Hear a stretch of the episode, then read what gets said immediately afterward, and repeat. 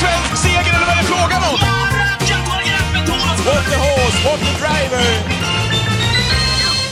Jag tänkte börja prata den här veckan om förra veckans kungapokal, David. Och jag skulle vilja prata om Francesco Zet. Starten? Nej. Körningen, den första biten där i kampen mot Björn Goop och Isno Gudam? Nej. Upploppet? Nej. Utan situationen 900 meter från mål, eller situation. Eh, sekvensen mellan 800 meter från mål och 700 meter från mål. Där du kanske tänker, vad fan hände då för någonting? Ja. Jo, det som hände... Jo, men jag tänker spontant på att Is No Good Am fick lite tömmarna utvändigt där, så att det, det hände, det var väl en tempoväxling spontant. Exakt. Och hur såg Francesco sett ut? Jag tror sällan att jag har upplevt det jag kände hemma framför TV när jag såg Francesco sett. Det ser faktiskt ut. Gå in och titta på honom här igen. Det ser ut som han springer i det där läget när det går sjukt fort eh, på treans växel. Han springer alltså och leker i travet, klipper med öronen och det ser ut som att han bara väntar på att eh, säga Kihlström, ge mig lite anfallsorder. Det är det, det, är det mm. sjukaste jag sett. Kolla hur han springer i den svängen, med den tekniken. Det är, Nej, det, det, är som trav... Ja, det är travgodis, så det är helt makalöst alltså. Det intressanta med den hästen är som jag sa tidigare, jag, jag, kan inte se vad han är bra på. Alltså, jag fattar att det är en bra häst och sådär men jag kan inte se liksom vad hans absoluta USP är. Nu visar han ju att Örjan kunde ladda rakt in i svängen när Isno Godam. Bara det var en grym grej. Men han är ju också såklart extremt bra på att hålla farten eh, väldigt länge. Eh, men eh, återigen, eh, han, det är ju väldigt mycket på vad Daniel säger. Man har ju ett enormt förtroende för hans känsla för vad som är en bra häst och hans ord. Jag läste på hans hemsida. Det har varit eh, har aldrig haft en liknande talang. Jag har en del att jämföra med. Eh, han är helt otrolig att köra. Och, och, och allt det där. Det köper att, jag. Det, det, man, det, blir man ju också påverkad av såklart. Men, men ögat fångar ju ändå upp den här sekvensen. Jo, så, jo, och så mycket trav har vi ju sett. Jo, men det växer mer och mer. Men av det du har sett, ska det här vara Redéns bästa häst någonsin? Alltså det är ju svårt att tro att... Jag menar att ja. det lägger man ihop när man ser honom, när man hör Örjan och framförallt när man hör Redén. Jag tror ju att han kommer göra en Calgary Games-insats till derbyt om det behövs. Där och då. Ja. Nu är ju kullen lite sämre än förra årets kull bakom honom. Så jag tror inte han behöver göra en sån insats. Nu är det långt dit och allt ska funka och han ska vara frisk och hel och allt det där. Men eh, känslan är att eh, vi har... Han måste sättas på hårdare prov för att vi ska se hur bra han är. Ja. Alltså han joggade ifrån dem i kriteriet i fjol liksom på ja. 12 Han lämnade dem med 30 meter sista 100. Jag, jag, jag, fattar och hör vad du säger men det är väl någonstans man också man ska ta någon form av ställning som svar på din fråga. Ja, det är nog hans bästa häst eh, som han någonsin har fått fram. Jag tror att det kommer mm. bli det i alla fall, för att han har ju sån otrolig löpskalle. Han har sprungit lite grann sådär som att han har väntat in de övriga och bara gjort det Örjan har sagt. Exakt som du var inne på nu. Nu, nu gav han sig in i den här eh, körningen mot Björn Goop och Isno Godam, får komma före där ute på långsidan. Och sen framförallt då tekniken som man har mellan, mellan 8 och 900, 8 och 900 meter kvar i Kungapokalen. Jag kan bara sitta och titta på de 100 meterna. Det är mm, ska... fascinerande. Nej, och exakt. Och bästa häst någonsin. Jag menar, eh, Don Fanucci sett, han vann Elitloppet på 1.08,9 med en kurva i tredje spår. Propulsion. Eh, nu blir ju han i sammanhanget svårbedömd. Det han presterar på banan i så många säsonger från alla positioner. Absolut stenhård. Jag menar, ska det här vara nivå till? Ja, jag säger inte att det inte är det. Men förväntningarna är skyhöga och det blir mycket, än så länge för min del, på Daniels eh, lyriska ord om honom i, i jobben. Ja ja, det, var, det var häftigt att se honom i alla fall i kungapokalen där. Och Isno Gudam fick ju, fick ju tyvärr, ty, tyvärr den där resan och var väl, hade väl inte sin bästa dag heller, men det var väl honom förlåtet kanske. Nej men så är det. Han hade inte sin bästa dag. Sen var det ju många som eh, spände bågen. Eh, vi har ju snackat lite om det här tidigare, de här rapporterna som eh, rap rap rapporterna gör när de snackar med de aktiva. Och Eh, jag är, det där var en grej som kom mer under pandemin när man inte intervjuade och nu har det hängt kvar som någon form av grej där reportrarna ja, vill sälja in sina grejer och blåsa på med eh, vem de har snackat med och hur optimistiska den, de aktiva är. Men det blir ju lite viskningsläge när Per Nordström säger till Matteus att han är optimistisk och sen säger Matteus att Per är jätteoptimistisk med Down Under. Han ska kunna mellan 11 och 12. Ja, men jag säger inte att det är något fel i det. Och han ska köra i spets sa ju Nordström ja. själv om han kom dit. Men nu, ja. nu upptäckte han ju att det var ett annat väsen som var på utsidan. Ja, men jag undrar om det inte gick upp ett ljus för Nordström också jo, på långsidan jo. där. Jo, fast jag vill ju höra Nordström säga det själv. Jag vill kunna tolka hans ord. Jag vill inte höra en reporter förmedla det. Jag vill höra Nordström säga jag tror jag kör mellan 11 och 12. Han var överlägset sist på 15 och det är sånt som händer i trav. Hästen hade inte sin dag. Det, jag gillar att man spänner bågen och är optimistisk. Men jag som spelare måste få en rejäl chans att tolka informationen som sägs. Det har gått lite inflation i att reporterna blåser på och säljer in info som att eh, ja, men, de är jätteoptimister eller pessimister inför ett lopp och sådär. Det där är svårt när man inte får höra dem själv. Jag vet ju, har ju lärt mig om hur optimistisk vissa kan vara. Då måste man kunna värdera det i sammanhanget och jag tycker att mer intervjuer och mindre rapporter generellt sett i tv-sändningarna, det blir lite svårt att tolka. Det blir visningsleken för mig, tycker jag. Ja. Totalt sett vad gäller V75 där, eh, drottningens där, så blev det ju inte Glamorous Rain. Eh, utan... jag, jag vill bara säga det, ja. och det var inget eh, mot Matteus i det här aktuella fallet, utan han gör ju sitt jobb och gör det han blir tillfrågad om, utan det blir en generell sak bara med, med tv-sändningarna. Mm. Eh, vill jag bara avsluta med. Ja. Mm. Eh, det blev inte Glamorous Rain. Hon fick nöja sig med tredjeplatsen i, i drottningens och segern istället till Robin Backer och Kebba Mil, eh, som var jättefin. Eller Kebba Mil kanske hon ska heta, jag vet inte. Eh, vad bra hon var. Eh, hon ja, behöver inte be om ursäkt för det där. Nej, verkligen inte. Hon var ju bra redan i försöket. Och, och det vad bra det bara SH var. Ja. Där eh, står ju Fredrik Persson för en väldigt offensiv styrning där han i mitt tycke kör lite för mycket mot good vibes. Eh, som på förhand kändes väl som en... Eh, ja, det är svårt att se henne räcka från spets. Det är lätt att säga i efterhand men Eh, Nordström var optimistisk där men det är en häst som var väldigt tidig som jag tycker har ebbat ut. Hon är jättefin årgångstopp och, och, och ja men så här, det är inget fel på henne som häst så men att Persson la liksom lasset på bortre lång som jag tycker att han gör mot, uh, mot Good Vibes. Det fick han lite betala för in på upploppet. är min känsla. Uh, Deborah Esso är ju en absolut kulttopp och han ju pratat om sin optimism när han gästade podden tidigare. Uh, häftigt race! Kul när de körde sådär aktivt. Alltså som neutral. Uh, man kände verkligen efter loppet att wow vilken inledning på, på V75 den dagen. Så att, mm. det, det var fina ston som, som visade upp sig och då var det ändå flera av de bättre som inte var med i det här loppet, i kullen. Ja. I övrigt på V75 bronsdivisionen, jag tror jag skrev till dig på sms efter det loppet hade gått i mål. Eh, V75 cirkusens mest underskattade häst, Bransbys Jukebox. Mm. Ja, men det är ju lite så. Ja, men så är det. Eh, jag lyckades bomma honom på många hästar på något system. Sen hade jag tror han var ah, jag vet inte vad jag hade rankat honom. Jag hade typ så sju eller åtta hästar så bommade jag honom. Men sen på något hade jag väl nio, hade jag med honom. Mm. Men eh, han är underskattad framförallt över lång distans. Eh, går han ju hela vägen in i mål. Men det är ju svårt att en nioårig vallack efter Skogans Joker ska vara liksom en, eh, en av de mest underskattade hästarna. Ja. Han är ju det. Jag håller med dig. Jag håller med dig. Eh, V75s fjärde avdelning var stoeliten. Jag satt ju på en mumma-kupong där eh, på slutet. Jag hade ju spikat på mitt unika system på spel och lekkontoret som ni hittar på ATG.se. Eh, Charlie Brown F.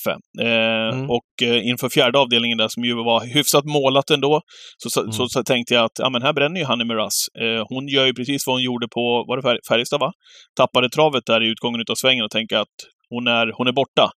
Eh, och att Jeppson då skulle vinna med Sayonara istället. Men kolla aktionen. Eh, det är knappt så hon sätter i fötterna. Om vi pratar om tekniken där på Francesco Zet i svängen, så kan vi kolla på Hanemiras teknik just på rakerna, i och med att hon har lite problem med svängarna. Eh, kolla mm. på hennes teknik. Det är knappt så att hon sätter ner hovarna över upploppet. Hon flyger verkligen.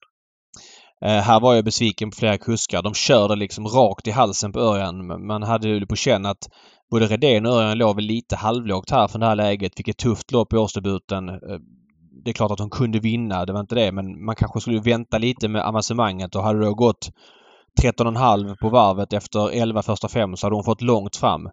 Men nu körde de väldigt offensivt där framme och då klev han bara in på upploppet Örjan som han ofta gör.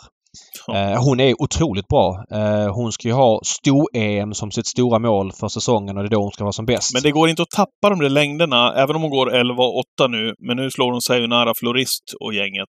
Eh, och det är mm. precis som du säger, hon måste ju få till det där också, för det är någonting som som gör att hon faller ur travet där i sista sväng. Det tror jag inte Daniel Redén är helt nöjd med. Helt tillfreds med. Nej.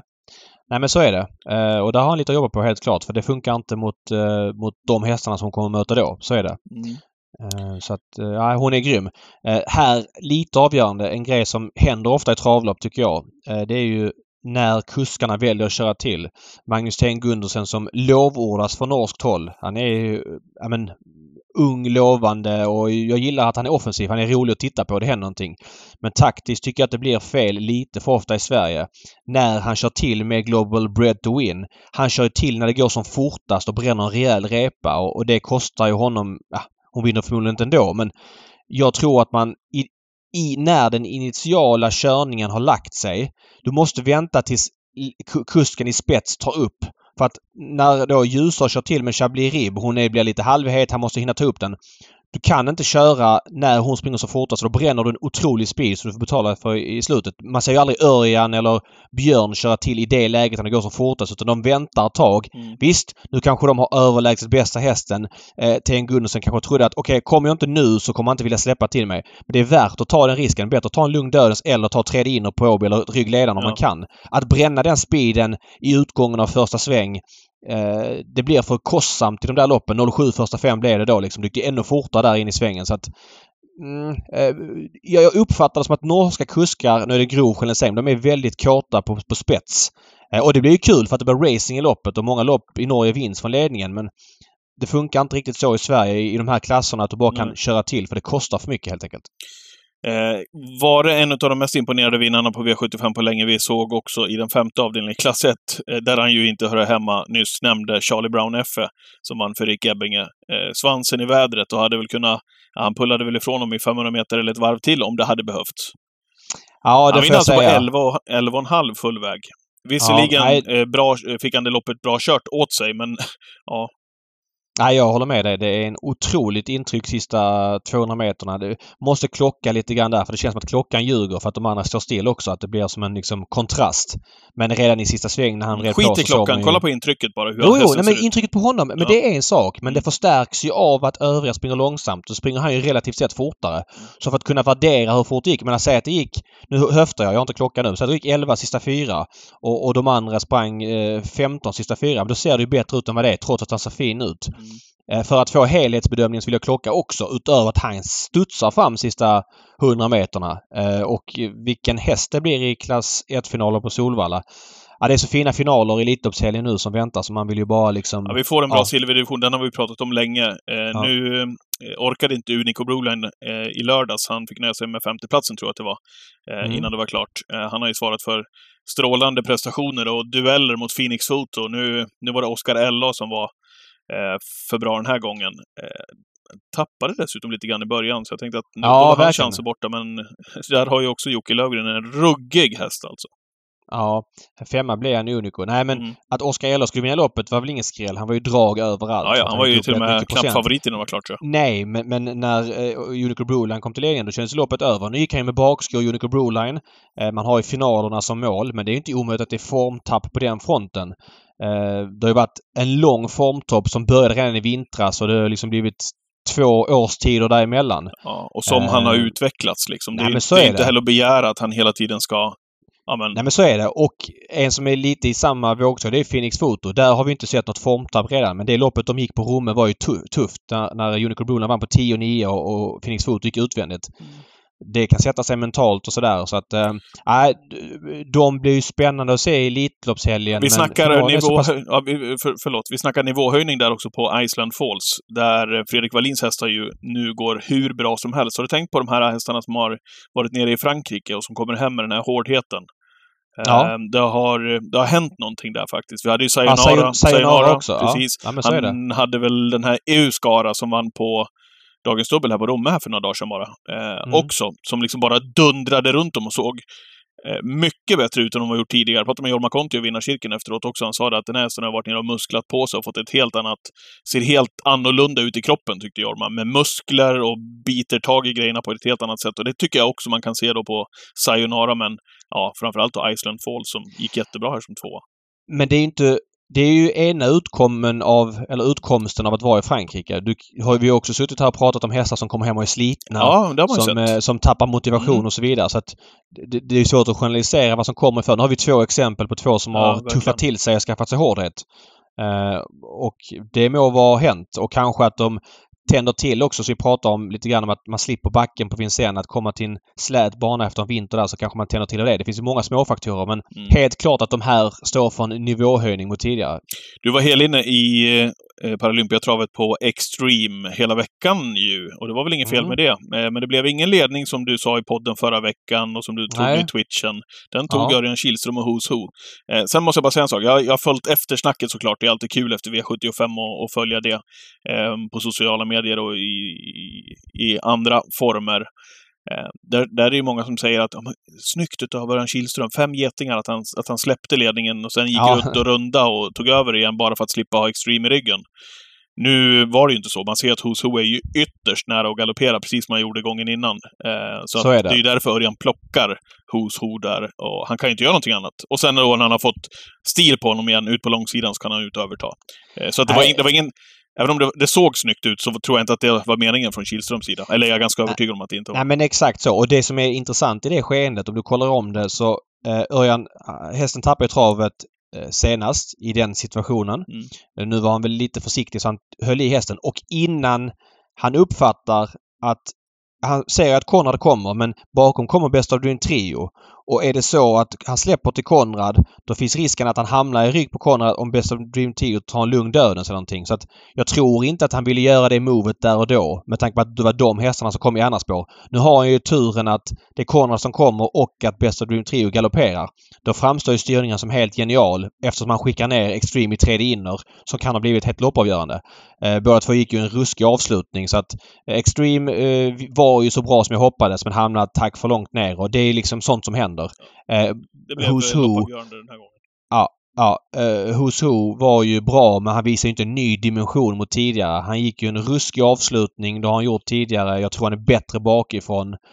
Eh, ja, han är ju helt given i Elitloppet. Nu har han inte fått en, en inbjudan än men han, han visar inget nytt som man inte visste fanns hos honom. Det är min känsla. Förutom att han kanske var lite startsnabbare än vad han har varit någon tidigare. Jag trodde faktiskt inte att Örjan skulle våga ladda med tanke på vad som hände gången innan. Men han har ju då spetslinjen på två steg så han slapp köra in i svängen Ja. vilket var kanske avgörande för honom. En som sänkte sina aktier var ju min, eh, den som jag hade rankat etta i loppet, Upstate Face, som var, var näst sist i mål tror jag faktiskt. Eh, Ja, eh, han var det av de felfria. Eh, Adrian lämnar ju andra ut för döden så han tyckte väl att Magnus och Djuse körde för långsamt med Born Unicorn. Alltså, med facit i hand så kan det framstå som att det blir fel när du lämnar en rygg. eh, Men samtidigt så ja, vill där han... och då så tyckte jag att han gjorde helt rätt. Ja, men han kör för att vinna loppet eh, och då måste det bli tempo på det så att då får han offra sin häst. Alltså det finns ju exempel på när han gör det och, och plockar ner ledaren och någon annan vinner. Sen finns det också Mm. exempel på när det blir som det blir nu. Nu körde han för seger och, hästen blev tyvärr bara åtta. Ehm, det han gamblar bort lite grann det är ju hästen ur Elitloppssnacket. Hade han gått, suttit kvar i ryggen på, på Born Unicorn och gått en trudelutt som fyra så hade han väl fortfarande varit lite het. Nu tyckte han tappa lite i värde ur den aspekten. Nu får vi se hur det blir här. Vi kommer väl snart till det med Elitloppsplatserna men eh, Absolut Face stärkte ju inte sina aktier i och med den här insatsen. Så det finns säkert anledningar till det liksom. Örjan Kihlström där med Who's Who som kommer att få en inbjudan till Elitloppet. Passi Aiki och kul för honom också tycker jag. Eh, att Ska vi bara plocka där. hem några hästar till i loppet? Uh, Night Brodde gick ju bra. Ja, men är det någonting Eh, att säga om det där? Ska vi inte låta dem vara bara? Nej men jag vill bara säga det kort. Night Brodde gick ju bra. eh, kort och gott. okej. Jag utgår från att han dyker upp i typ Sweden Cup. Säkert. Jag tycker inte att han är Elitloppsmässig. Delade på Morö Det är du inte ensam helt- om. Vadå? Att du inte tycker att han är med i Elitloppet? Nej, nej, nej. Nej, det kanske var en självklarhet. Eh, Delade Pomerö gick faktiskt helt okej. Hon gick först i tredje sista sj- 700 och Det gick jävligt fort där. Hon ebbar kanske lite för mycket för att det ska vara optimalt, men hon var ändå inte dålig. Eh, hon är ju ändå intressant är till Elitloppssnacket för att hon är, för att hon är den hon är. Ja. Eh, Men det var ingen superinsats som höjde liksom hennes aktier. Spickleback Face, han går fortast över mål. Eh, Den hästen växer eh, väldigt mycket för varje start och vilka, men jag tänkte honom i, i Norrlandsturnén i sommar. Eh, jag tänker på Jämtlands stora pris eller. Norrbottens stora pris. Ja. Han är en faktor de loppen. Verkligen. Nu är han ju bit ner, men han springer förbi många hästar sista biten och häftig utveckling på den hästen. Born Unicorn. Eh, det är tuffare att gå mot de här hästarna i döden än vad det är mot de han mötte senast. Ja, Ja, även om, man Det fick, var även om man blev avlöst så... det blev han. Men, men sen så valde han att sitta kvar och grejer, vilket kändes helt rätt. Ja. Det var väl ungefär det jag Ja. ville ta hem från det loppet. Best of Dream Trio kan ju inte vara fräsch efter tufft matchande. Eh, det låg på lut. Hoppa igen. Mm. Ja, det låg verkligen på lut. Han dribblar bort sig från eh, Elitloppssnacket här de två senaste insatserna. Jag vet inte hur är det? Är han klar för silverfinalen? Det är han inte nej, för han vann ju senaste bronsfinalen. Sen startade han i färg på Färjestad och eh, nu så att han eh, kommer inte hinna kvala in till silverfinalen om han nu hade haft... Nu måste han nog behandlas gissar jag för det var två tveksamma galopper på slutet. Who eh, dribblade sig däremot in i Elitloppet, eh, tror vi. Eh, Hail Mary eh, fick jag se i Rättvik. Ja, ja. du var lyrisk där på sms efteråt. Du kan ju berätta vad du skrev. Jag, jag var lyrisk efter värmningen också. När han Ja. forsade förbi fönstret där i, i bakvarv. Nej, men jag, jag, jag kände väl bara mm, att jag tyckte att... Jag har ju sett Hail Mary live några gånger i värmningarna och jag tyckte att han såg mycket... Eh, han såg lättare ut i kroppen men ändå mer musklad, om du förstår vad jag menar. Alltså han, hans aktion flöt på ett lättare sätt. Eh, det var min spontana take när han kom i, i värmningen och sen var ju loppet vad det var. Eh, nästan så att kommentarer är överflödiga för att det var... Ja, det var ju någonting alldeles extra där. Han ser ju dessutom att han klipper med öronen när han springer över mållinjen där. I, I de där farterna och ifrån den positionen. Ja. Och det är ju bara att vika in kepsen, för där trodde man ju inte, eller jag trodde inte att eh, Daniel skulle hinna sätta honom i det här skicket. Men eh, ja, det har han lyckats med, verkligen. Det är imponerande. Ja, och han är alltså favorit till segern i Elitloppet. Det finns Ja, men det såg jag. otroligt- Han var otroligt hårt spelad. Det, var, det känns väl inte att han ska vara så mycket spelad. Väl, säger jag David. Det där kan du bedöma bättre. Nej, Men, nej, men det är klart att han inte ska vara det. Dels är det inte säkert att man ställer upp, även om det såklart är favoritscenariot. Eh, Men sen två hit. Det är ju en speciell häst. Eh, Jag är inte säker på att det är en fördel med två hit. Det finns ju hästar typ Don Fanucci och ett par till som gynnas av två hit.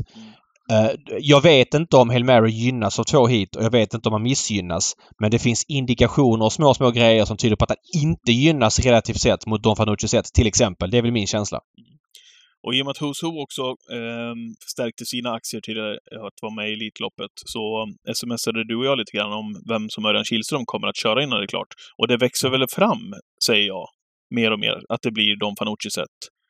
Eh, nästan så att det känns självklart nu. Efter... Alltså du skrev till mig i sms att eh, det inte ens är ett val. Att eh, han i princip väljer Hail Mary. Som att du tyckte det var helt klart. Ja, precis. Innan jag kom på det du betonade, att det är nog Daniel Redén som kanske bestämmer vilken han kör.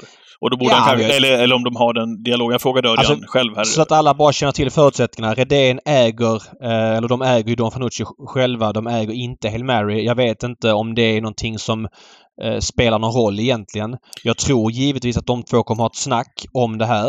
Eh, men jag tror att det är Örjan som, som väljer. Det sa Daniel Redén igår i travrondens eh, Elitloppsmagasin Ja, okej, där. att det är Örjan Örjan som väljer. bestämmer. Ja. ja, men då, bestämmer. då, då står jag fast. Då tror jag han väljer Hail Mary.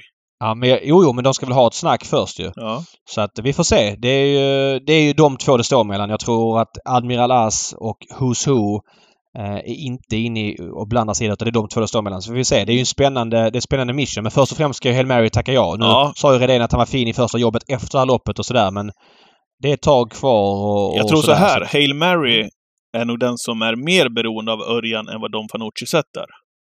Det är min take. Jag tror inte att Hail Mary är lika enkel Nej. som eh, Don Fanucci. Nej, kanske är så.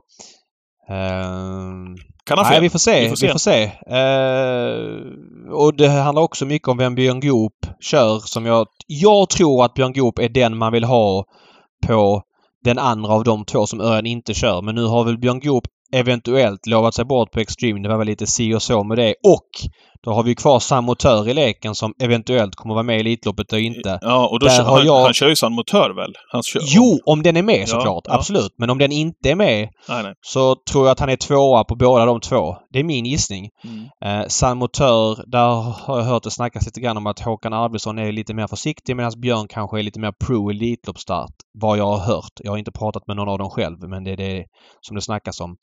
Eh, vi får se. Han hade ju varit en jätteattraktion i Elitloppet, Motör. herregud. Han är ju fjärdehandlare just nu eh, till slutsegern. det, det är eh, skönt. Han är inte inbjuden än. Inte officiellt i alla fall. Nej. Men ehm, eh, vi Ja, fick... Inbjuden är han nog. Det handlar nog om att man väntar med beskedet. Ja. Jag tror också Hail Mary är inbjuden men man väntar med beskedet. Så att, Ja. Definitivt kanske man ska säga.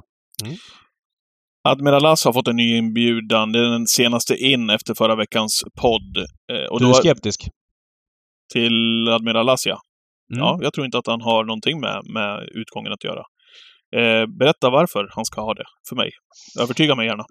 Nej, men jag tror inte att han har med utgången att göra. Jag tror att två hit är ett jätteminus för honom. Eh, Jag får den känslan. Han har tappat travet flera gånger till slut. Jag tror inte att han fixar det helt enkelt. Men jag tycker att det är en korrekt inbjudan.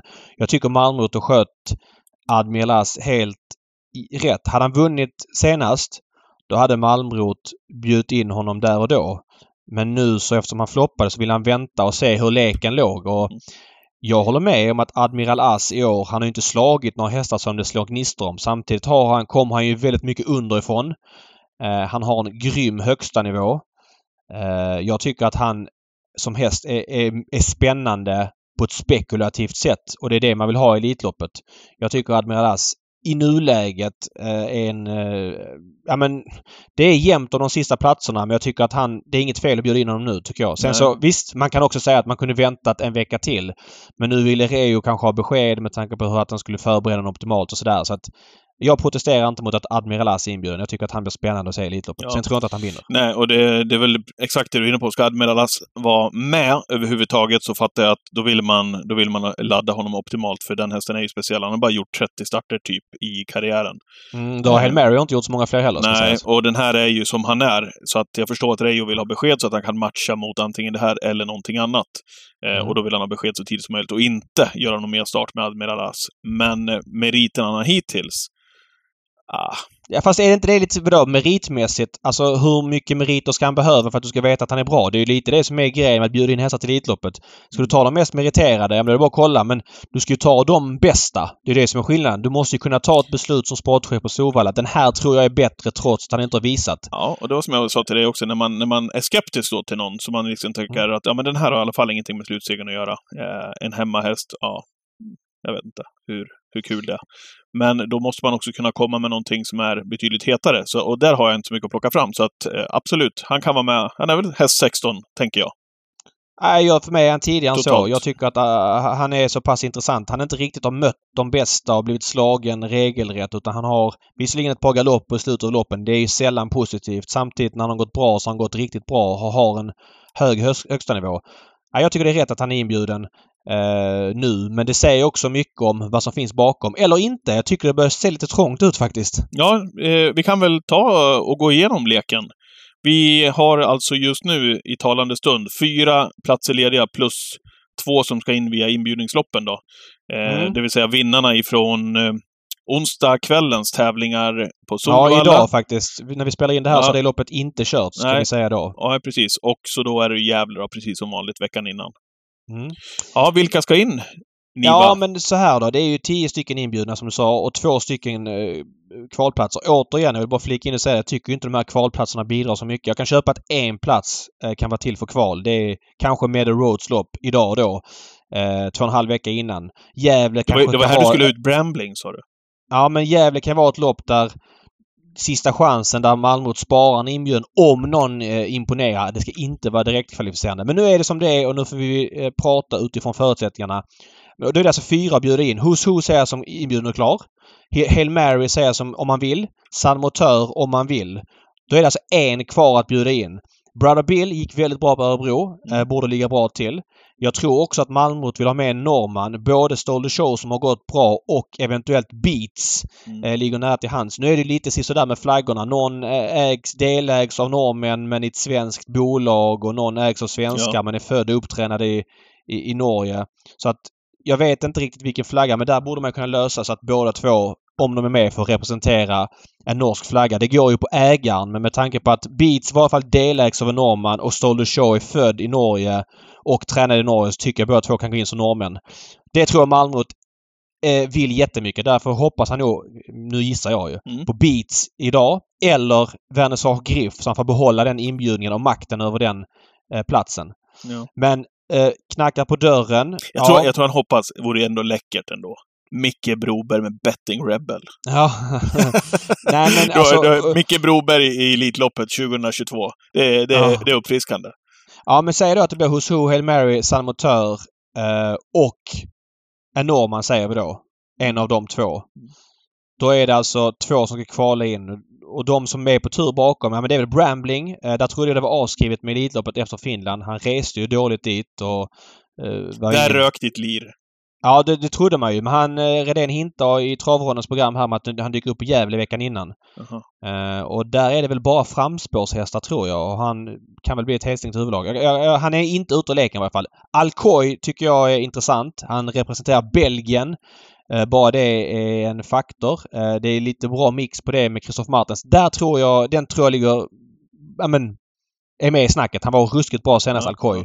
Och startar väl här inom någon dag i något lopp. Så att Alcoy absolut eh, stekhet. Sen vet jag inte delade Pomerö om man vill komma ens.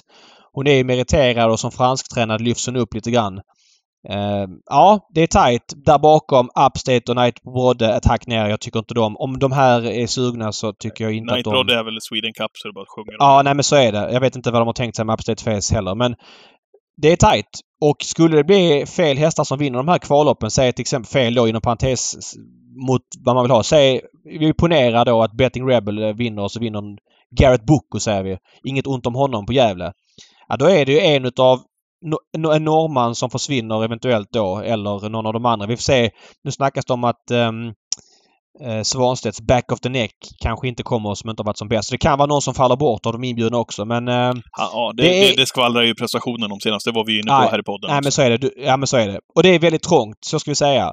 Så att eh, vad, vad, är- vad, vill... vad, är det värsta som kan hända egentligen då? Är det typ ett, alltså värsta inom citationstecken, du förstår vad jag menar? Eh, Är det att Snowstorm Hanover vinner idag och så vinner Brambling nästa helg? Då, då har Redén ändå fyra Fy- hästar med. Fyra hästar, precis. Och då är det sista året vi kör med kvallopp till Elitloppet, det kan jag säga det. Och inget ont om... Det är inte Redéns fel utan utan det är uppläggets fel i så fall.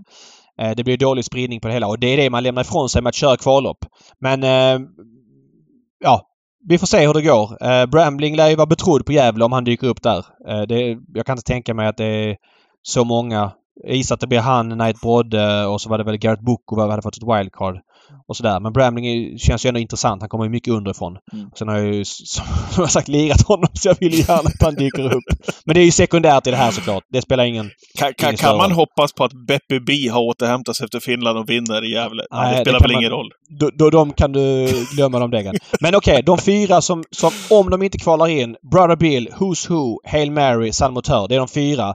Sen hoppas jag att någon norrman eh, kvalar in. Jag gissar att Stole the Show eller Beats någon av dem kan dyka upp i Gävle också om de inte är inbjudna. Ja. Det är väl där eh, vi har eh, de hetaste platserna. Strax kort snack V75 Umeåker. Då ska vi bland annat höra eh, eh, vad du har för tankar till den omgången. Eh, David, Jacke, det är ju Jacke, Jacke, Jacke, Jacke, på lördag.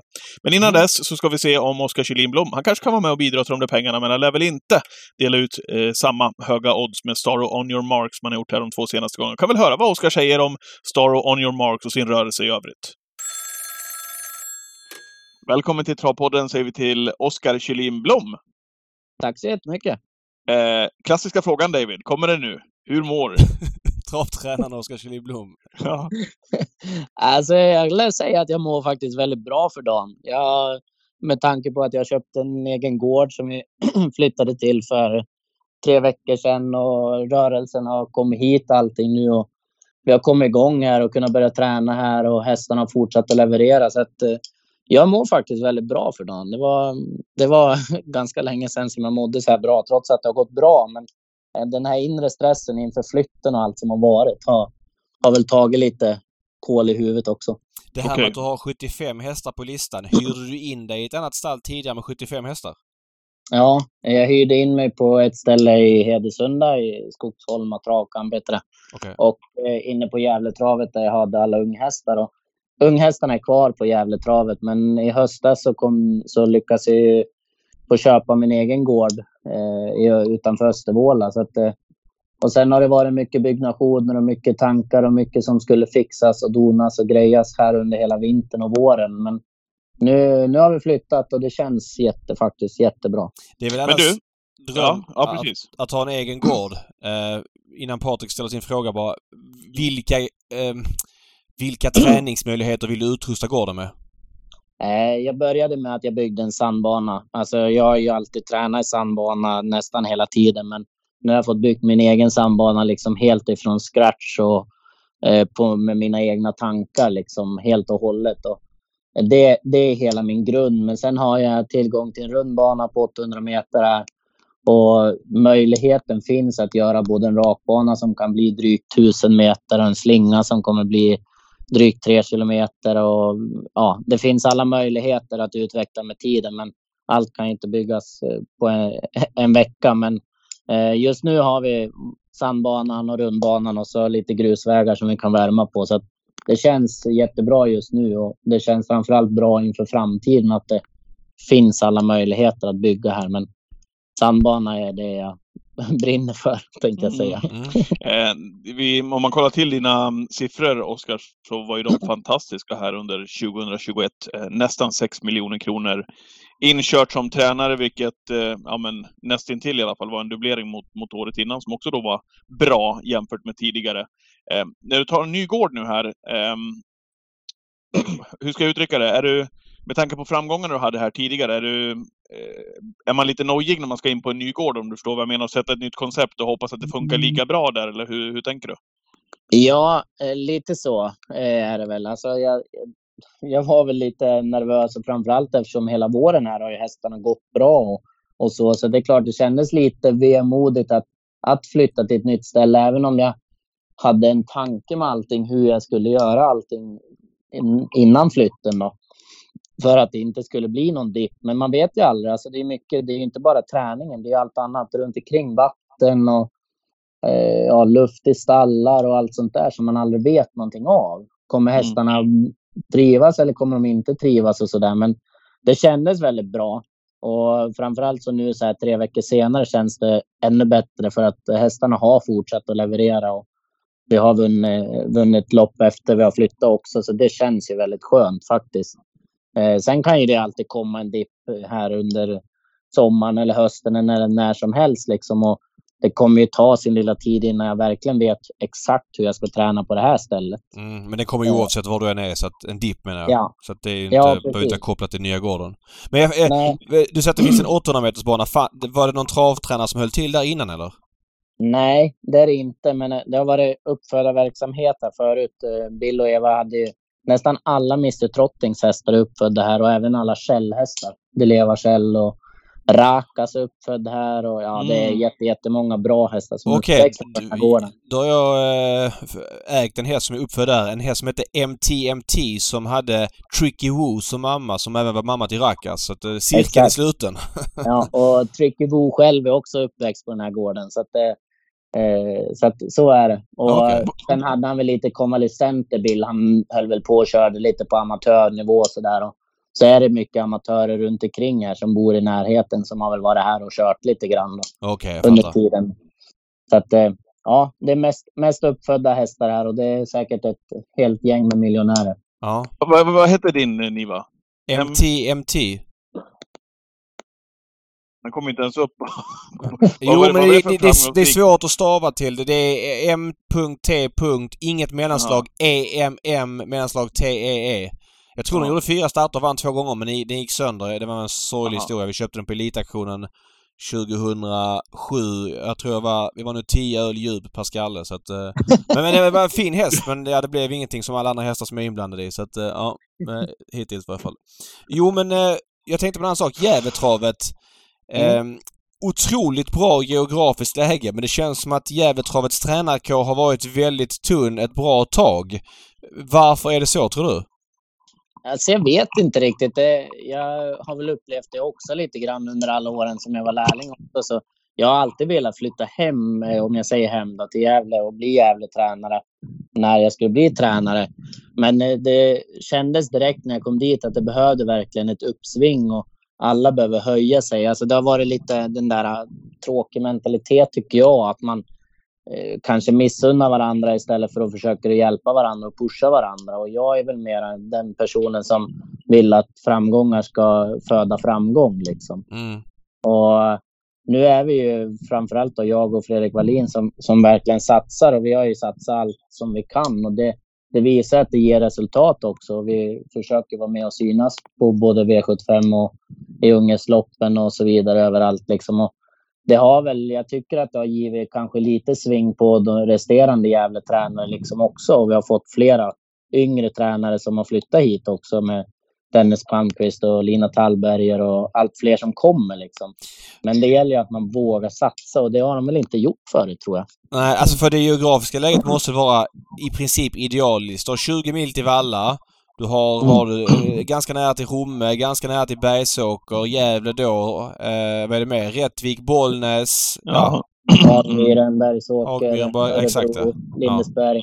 Alltså jag har ju sju mil inom 20 mil tror jag. Eller sju banor inom 20 mil. Ja. Och det, det är nog ganska lätt räknat hur många travbanor eller anläggningar som har det så. ja, det måste vara Mm. helt unikt faktiskt. Ja. Och det, det hade jag ju även från det andra stället där jag var. Och just nu, jag fick ju längre till Gävle. Nu har jag åtta mil till Gävle, men jag har elva mil till Valla. Jag, jag har en mil ut till E4. Så liksom, du måste ju ut på E4 i princip för att ta dig till nästan alla landets travbanor om du vill ha en bra väg att köra efter. Liksom. Jaha, okej, så du är alltså så pass mycket söder om Gävle? Att Ja. du liksom är nästan det- lika långt till Valla alltså? Ja, jag har åtta mil till Gävle och elva mil till Valla. Så att det, jag bor ju väldigt bra till på det viset. Okej, så Uppsala är närmsta st- större stad då? Ja, ja det, är det, det är väl bara en fyra mil in till Uppsala. Okej, okej. Ja, eh, intressant. Vad kul. Mm.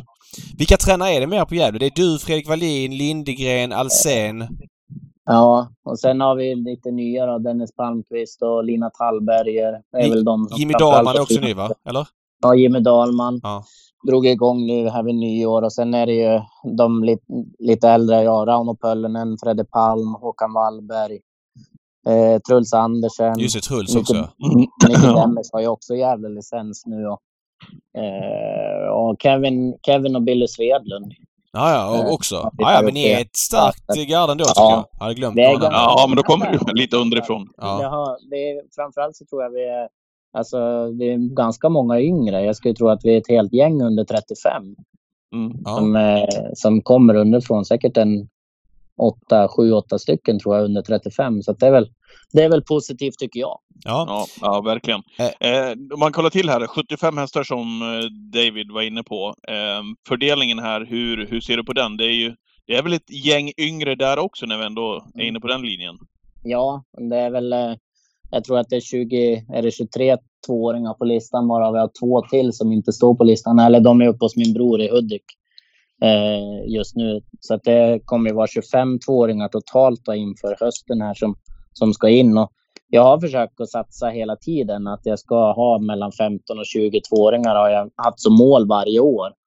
För att kunna bygga stallet underifrån. Men i år är väl absolut, det ska jag väl inte sticka under stolen med att jag har ju aldrig haft en sån kull som jag har i år med det är både Facetime Bourbon och Tactical Landing och Bold Eagle och ja, det, det är väldigt välstammade hästar så att eh, sen är inte det hela sanningen i, i rörelsen men det är klart att det känns väldigt spännande inför året eh, just med alla de här unghästarna.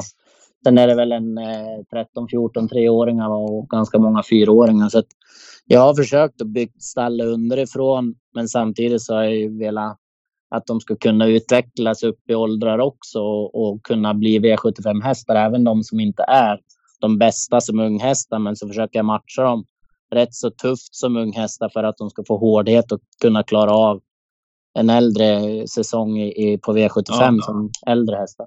Du har ju haft eh, kanske en remarkabel utveckling på en av de äldre, tänker jag. Den är ju inte kvar hos dig i träning. gick väl till Jörgen Westholm sen, väl? Mm. Ja, sen Ja, Rickard Lind.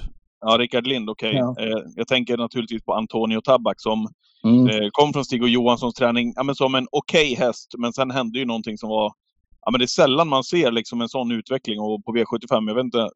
Det är ju, det är ju sexsiffriga belopp här nästan på varenda start Mm. man tittar på honom här. Som han har sprungit. Ja. ja, det var ju det. Och det var ju... Alltså den, den utvecklingen naturligtvis kunde inte jag drömma om den heller. Men det fanns ju naturligtvis tankar och idéer när jag väl leasade han då ifrån Stig där. Men att han skulle bli så bra, det kunde jag absolut inte drömma om. Men där tror jag är ett väldigt bra exempel på... Eh, alltså han kom ifrån Stig, han var en medelmåtta, han var en i mängden. Till att han kom till mig där han var den absolut bästa i hela min värld. Liksom. Mm. Och, och, men sen hade jag mycket tankar vad jag skulle göra för att få honom att utvecklas. Och sen vart han ju verkligen en el- elithäst och det är väl inte så många som har tagit fyra raka i silver och sen guld, eh, gulddebuten och sen i Holland. Liksom. Nej, han Men vann ju där i Volvega också precis. raka. Ja, Ja. de där fyra raka i silver är väl ganska sjukt egentligen. För jag kan ju ibland tycka att silverdivisionen är nästan tuffare än guld eh, under ja, sommarhalvåret ibland. Guld är ju tufft, men det är ju inte varje vecka liksom. Men vanlig Nej. gulddivision är ju inte så jäkla hård ibland. Den kan ju nästan vara lättare Nej. än silver. För det, det är många underifrån som ska upp till guld som går igenom silver. Liksom. Ja, och framförallt så är de ju silver, så blir de hårda i silver men vissa blir ju på gränsen till slitna också så när de kommer upp i guld är de helt färdiga. Eh, plus ja. att på sommarhalvåret är det många storlopp som drar de bästa hästarna så guld blir ju lite, kan bli lite så här, mellan, eh, mellanmjölksaktigt lite till och från. Men, ja. men, men, vad, vad, hände ja. med Antonio Tabak sen? För han var ju grym för det. Han vann ju där Volvega, sen ebbade ut lite grann och, och sen lämnade han för Jörgen Westholm och fick en ny vår där vilket var helt sjukt också. Va. Vad hände där? Han, han fick, eh, han var skadad där i, efter Volvega. Sen var han med i guldfinalen på på Valla i slutet av november. Va? Ja. Sen bara någon vecka efter det så fick han en gaffelbandsskada. Okay. Och sen fick han lång tid och så årsdebuterade han väl år efter i, Juli. på Gotland. Ja. ja. i Gotlandslöpningen där.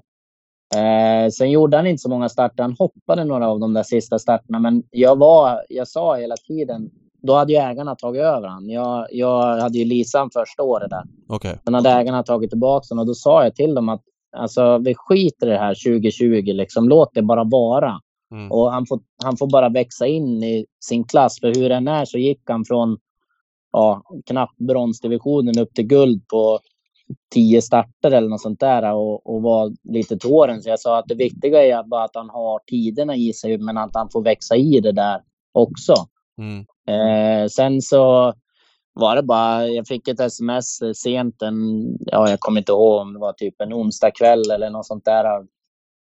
Halv tolv eller något sånt där att eh, de kommer från Västholm klockan nio imorgon bitti och hämtar Antonio. Så det var, det var inget mer med det och, och, då sa de att han skulle åka till Frankrike.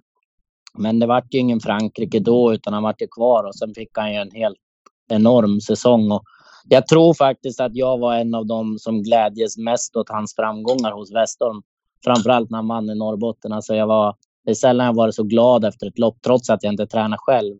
Men jag var glad för hästen för att jag tyckte att det bevisade att han hade gått från en medelmåtta till eliten och han höll sig kvar i eliten. Mm. Ja. Det var inte bara en engångsföreteelse utan han visade Nej. att han var kvar där. Eh, vad, vad har du för koncept när de kommer in, de här lite äldre? Jag tänker på ett annat eh, nummer, förvandlingsnummer som kom till dig. Och den här hästen hade jag lite koll på nämligen, för när den var på auktion, eh, jag ägde storebror som heter Bacon Degato, mamma Mederific, och så skulle den här ut på auktion och så var det Maharaja är det väl, tror jag. Mm, eh, och så sa jag till Sofia Aronsson då, som skulle på auktionen att håll lite litet extra öga på den här som heter Morotai Degato, den lillebrorsa till Bacon som hon tränade. Mm. Ehm, och det gjorde hon ju. Men Mm. det blev inte jag som köpte utan det blev Frank Leblanc eh, istället. Och så tänkte jag efter ett tag och så pratade jag med Sofia som sa att ja, men det, det är väl en, det är en OK häst men inte, inte så mycket mer vad den visade där och då. Liksom. Och sen Mm. tog det ju fart något så jäkulst i din regi. vad, var det, vad gjorde du med den? Ja, men där var det mera, alltså, eh, återigen det där med auktioner och sånt där som ty jag tycker är kul. När han kom ut på internetaktion där, ja, jag vet inte om det var Travera eller om det var SVTS då, då sa det, han hade väl gjort en 20 lopp på Sofia och tjänat strax under 200 000. Hade väl inte gått så märkvärdigt, men jag fastnade för vissa saker. Att han hade, jag tror han aldrig hade gått barfota. Han hade haft fast huva i väldigt många av starterna. En gång har han gått barfota. Han hade hoppat. Han så hade det? Ja. Ja. Och så att då kändes det som att det finns växlar att ta av. Och sen hade han sprungit och dragit höger hela sitt liv. Och hängt töm som något djävulskt. Men han gjorde ju något bra lopp där. Han vann något lopp på Örebro, något lärlingslopp. Tyckte han såg liksom ut som att det finns ju någonting i han. Mm. Mm. Och så hade han en gaffelbandsskada då. Eh, men så ringde jag och pratade med Sofia och frågade. Då sa hon att ja, men det, det, ser, det har läkt ihop jättebra bara på en månad. Liksom, eller om det var typ 6-7 veckor. Och då tänkte jag, men vad fan, då, då kan jag ge han chansen. Och det var just det där att han sprang och drog ett bakben och hängde töm och sånt där. Jag tycker sånt är lite roligt för att eh, då kan man förändra det lite grann med framförallt eh, lite muskulära saker, men även att få dem att, att dra rätt ben om man säger så. Som, Mm. som jag vill att de gör. Och jobbade mycket med det och fick ju jättestor hjälp av Lena Norin framförallt. Hon hade han en längre tid där. Eh, och, och körde mycket djupvåg och lite sådana där muskulära saker. Som gjorde, som jag tror att vi fick utvecklingen på han. Och sen, eh, sen kom det ju, alla växlar liksom kom ju en efter en med norskt urlag, rycktussar, barfota. Mm. Men och sen att få dem att lära sig att eh, göra sig av med mjölksyra på rätt sätt och kunna ta emot mjölksyra på rätt sätt. Jag tycker det är så jäkla viktigt med dem att eh, de måste våga bli trötta liksom. Mm. Ja, men hur gör man det alltså? Det låter ju som... Eh... ja, jag vet inte riktigt egentligen. Det, med Antonio kan jag säga, där var det ju mera liksom den här... Där kör, jag körde väldigt, väldigt mycket 3000 meters jobb med han. Och två gånger 3000 meter liksom. Och, så att han verkligen skulle lära sig att springa hela vägen och lära sig att våga det. Eh, Morotai var ju mera sandbanan som jag tror gjorde lite effekt och sen Sen att han, men det var ju mycket också muskulära saker med djupvåg som vi fick han att släppa allting, att han var mjukare i kroppen. Och mm. då vart han inte lika trött i musklerna som gjorde att han ja, kunde göra sig av med mjölksyran på ett annat sätt. Sen, sen är jag aldrig rädd för att, alltså jag tycker om ibland att tömma dem riktigt, riktigt mycket lopp, men sen kanske man backar tillbaka i nästa lopp för att de ska lära sig att det är inte farligt att bli trött. Nej. Mm. Men då lär man ju både bryta ner och bygga liksom. När, när du säger så här, man, man tränar liksom tufft också med dem en del, ja, men som Antonio Tabak. Mm. Tror du att man, finns risken att man ökar skaderisken på dem? Eh, ja. Med tanke, på, med tanke på att tävlings, tävlingarna tar ju också på dem. Ja, det är klart att det gör det. Eh, och det visar ju sig till exempel med Antonio. Men jag tror att anledningen, största anledningen att Antonio gick sönder, det var nog att hans självförtroende gick från noll till eh, alldeles för mycket. Från liksom att han i princip var rädd för människor. Han gömde sig i ett hörn när det kom folk till att han helt plötsligt så fort det kom in en människa i stallet som inte var Andreas som skötte han liksom, så bara stod han och bankade i väggen. Och han skulle, alltså han vart galen om någon pratade med en annan häst liksom det vart liksom för bra allting. Alla var tvung, allting var tvungen att kretsas kring han. Mm. Så jag tror att han sparkade sönder sig lite grann. Han stod och slog så mycket i boxväggarna hela tiden. Okay. Eh, Morotai har ju inte varit några problem alls med sen. Han var ju skadad när han kom, men han fick ju gott om tid att läka upp det ordentligt och stärka upp muskulaturen i, i bak framför allt och, och ligamenten och allting. Eh, Morotai, jag ser att ni anmält honom till Monté. Satt faktiskt imorgon mm. onsdag. Eh, är det liksom... Brukar säga i den här podden att när man börjar med Monté då är det liksom...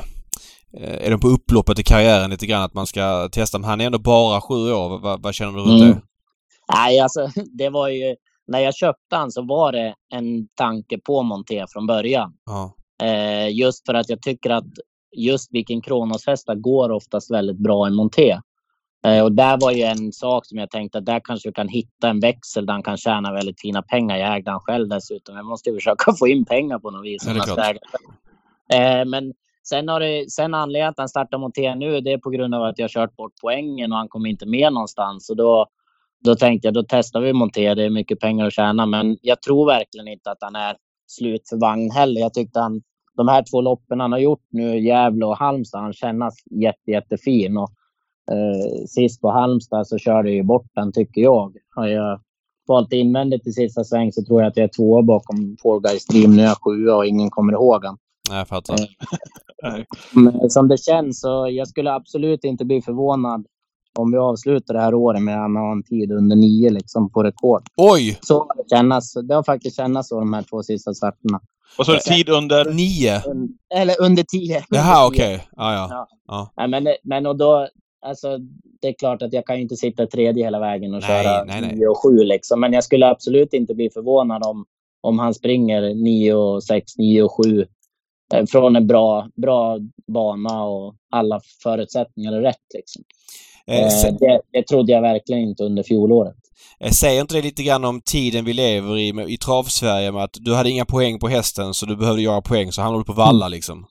Ja, jo precis. Lite så faktiskt är det. Alltså med, med hur Solvalla har varit med tunna lopp ja. och så vidare för att det körs mycket lopp. Ja. Det kommer bli en ändring på det till nästa år. Solvalla kommer förmodligen tävla mindre, vilket är jävligt bra men men ja. någonting säger de hur statusen är på travsverige när elitbanan Solvalla, jo men där kommer du med när du har ont om poäng liksom. Mm. Precis. Ja. ja. men så att annars hade han ju startat i, annars har han startat silver till exempel. Alltså fortsatt och kört silver liksom och jag tycker att det är en V75 häst som ska kunna duga på V7 men vi har haft liksom för mycket oflyt på slutet här. Mm. Det är väl det. I vintras där så tyckte jag han kändes bra. Jag trodde han skulle göra bra lopp, men han var helt kass och ur form hela vintern. Eh, nu har det verkligen känts som han är på gång igen. Så att, eh, jag tror att han kommer kunna synas på V7 under, under sommaren i alla fall. Men vi måste komma tillbaks och få poängen igen och liksom sådär. Så det är därför han startar Monté nu. Fattar. Mm. Du har ju ganska mycket kallblod. Hur ser det ut procentuellt i stallet med kallblod och varmblod? jag skulle tro att det kanske är en 30% kallblod ungefär. Hur ser du på att träna kallblod? Hur mycket skiljer det sig? För det är ju ganska ovanligt att eller spontant säger jag att man har så pass mycket hästar som du har och ändå har så pass stor andel kallblod. Jag vet inte många mm. andra tränare som har det. Jag vet Olle Alsen hade väl en slogan varmt eller kallt, jag tränar allt. ja, exakt. Men hur tänker du det? Kung Olle. Min pappa han sa att kan inte du göra en slogan som är varmt eller kallt, jag kör allt. ja. Nej då, men äh, alltså, jag tycker det är kul. Jag är uppväxt med kallblod. Min pappa har ju, har ju haft kallblod jämt, så det är, det är väl en, en del av det. Och sen tycker jag att det är roligt att träna dem. Alltså dels så eh, i den här regionen jag bor så har jag möjlighet att tjäna pengar med, även med kallbloden liksom. Så att det, det är därför som jag gillar dem. Och men det är lite svårare och det, de kräver lite mer träning och tid liksom på ett annorlunda sätt. Alltså man måste vara kanske framförallt mera noggrann när du tränar dem, hur du tränar dem hela tiden. Mm. Eh, för, att, för att nå framgång med dem. Men dagens kallblod blir ju allt bättre hela tiden. De blir mera travsäkra och de flesta kan ju gå bara en helt vanlig mm. träning som varmbloden. Liksom. Men det gäller nog att man tänker att man inte kör för fort med dem hela tiden och hela tiden bygger mycket styrka och att de travar ordentligt hela tiden. De får aldrig börja springa snett och dra några ben och sånt här. Men jag måste fråga kanske, Ja, jag måste säga, det kanske är en lökig fråga, men det är precis som David är inne på så är fördelningen spännande här istället med mm. kallblod och, och varmblod. Men kan du lära dig någonting som du kan flytta över på, på kallbloden eh, från varmbloden och vice versa? Förstår du? Liksom att man i och med att de inte är helt lika att forma, tänker jag. Att man tar med sig kunskap som kanske andra tränare går miste om. Ja, jag, jag tror det i alla fall. Eller kanske snarare tvärtom. Alltså att du lär dig saker med ett kallblod som du kan få in på ett dåligt varmblod, om jag uttrycker mig. Ni förstår säkert mm. vad jag menar. Men liksom, mm. Mm. Eh, om du tycker det är kul det här med eh, och, förvandla hästar och förbättra hästar liksom och lära dig nya saker så känns det som att du kan lära dig mera nya saker på ett kallblod än på ett varmblod. Mm. Eh, tycker jag.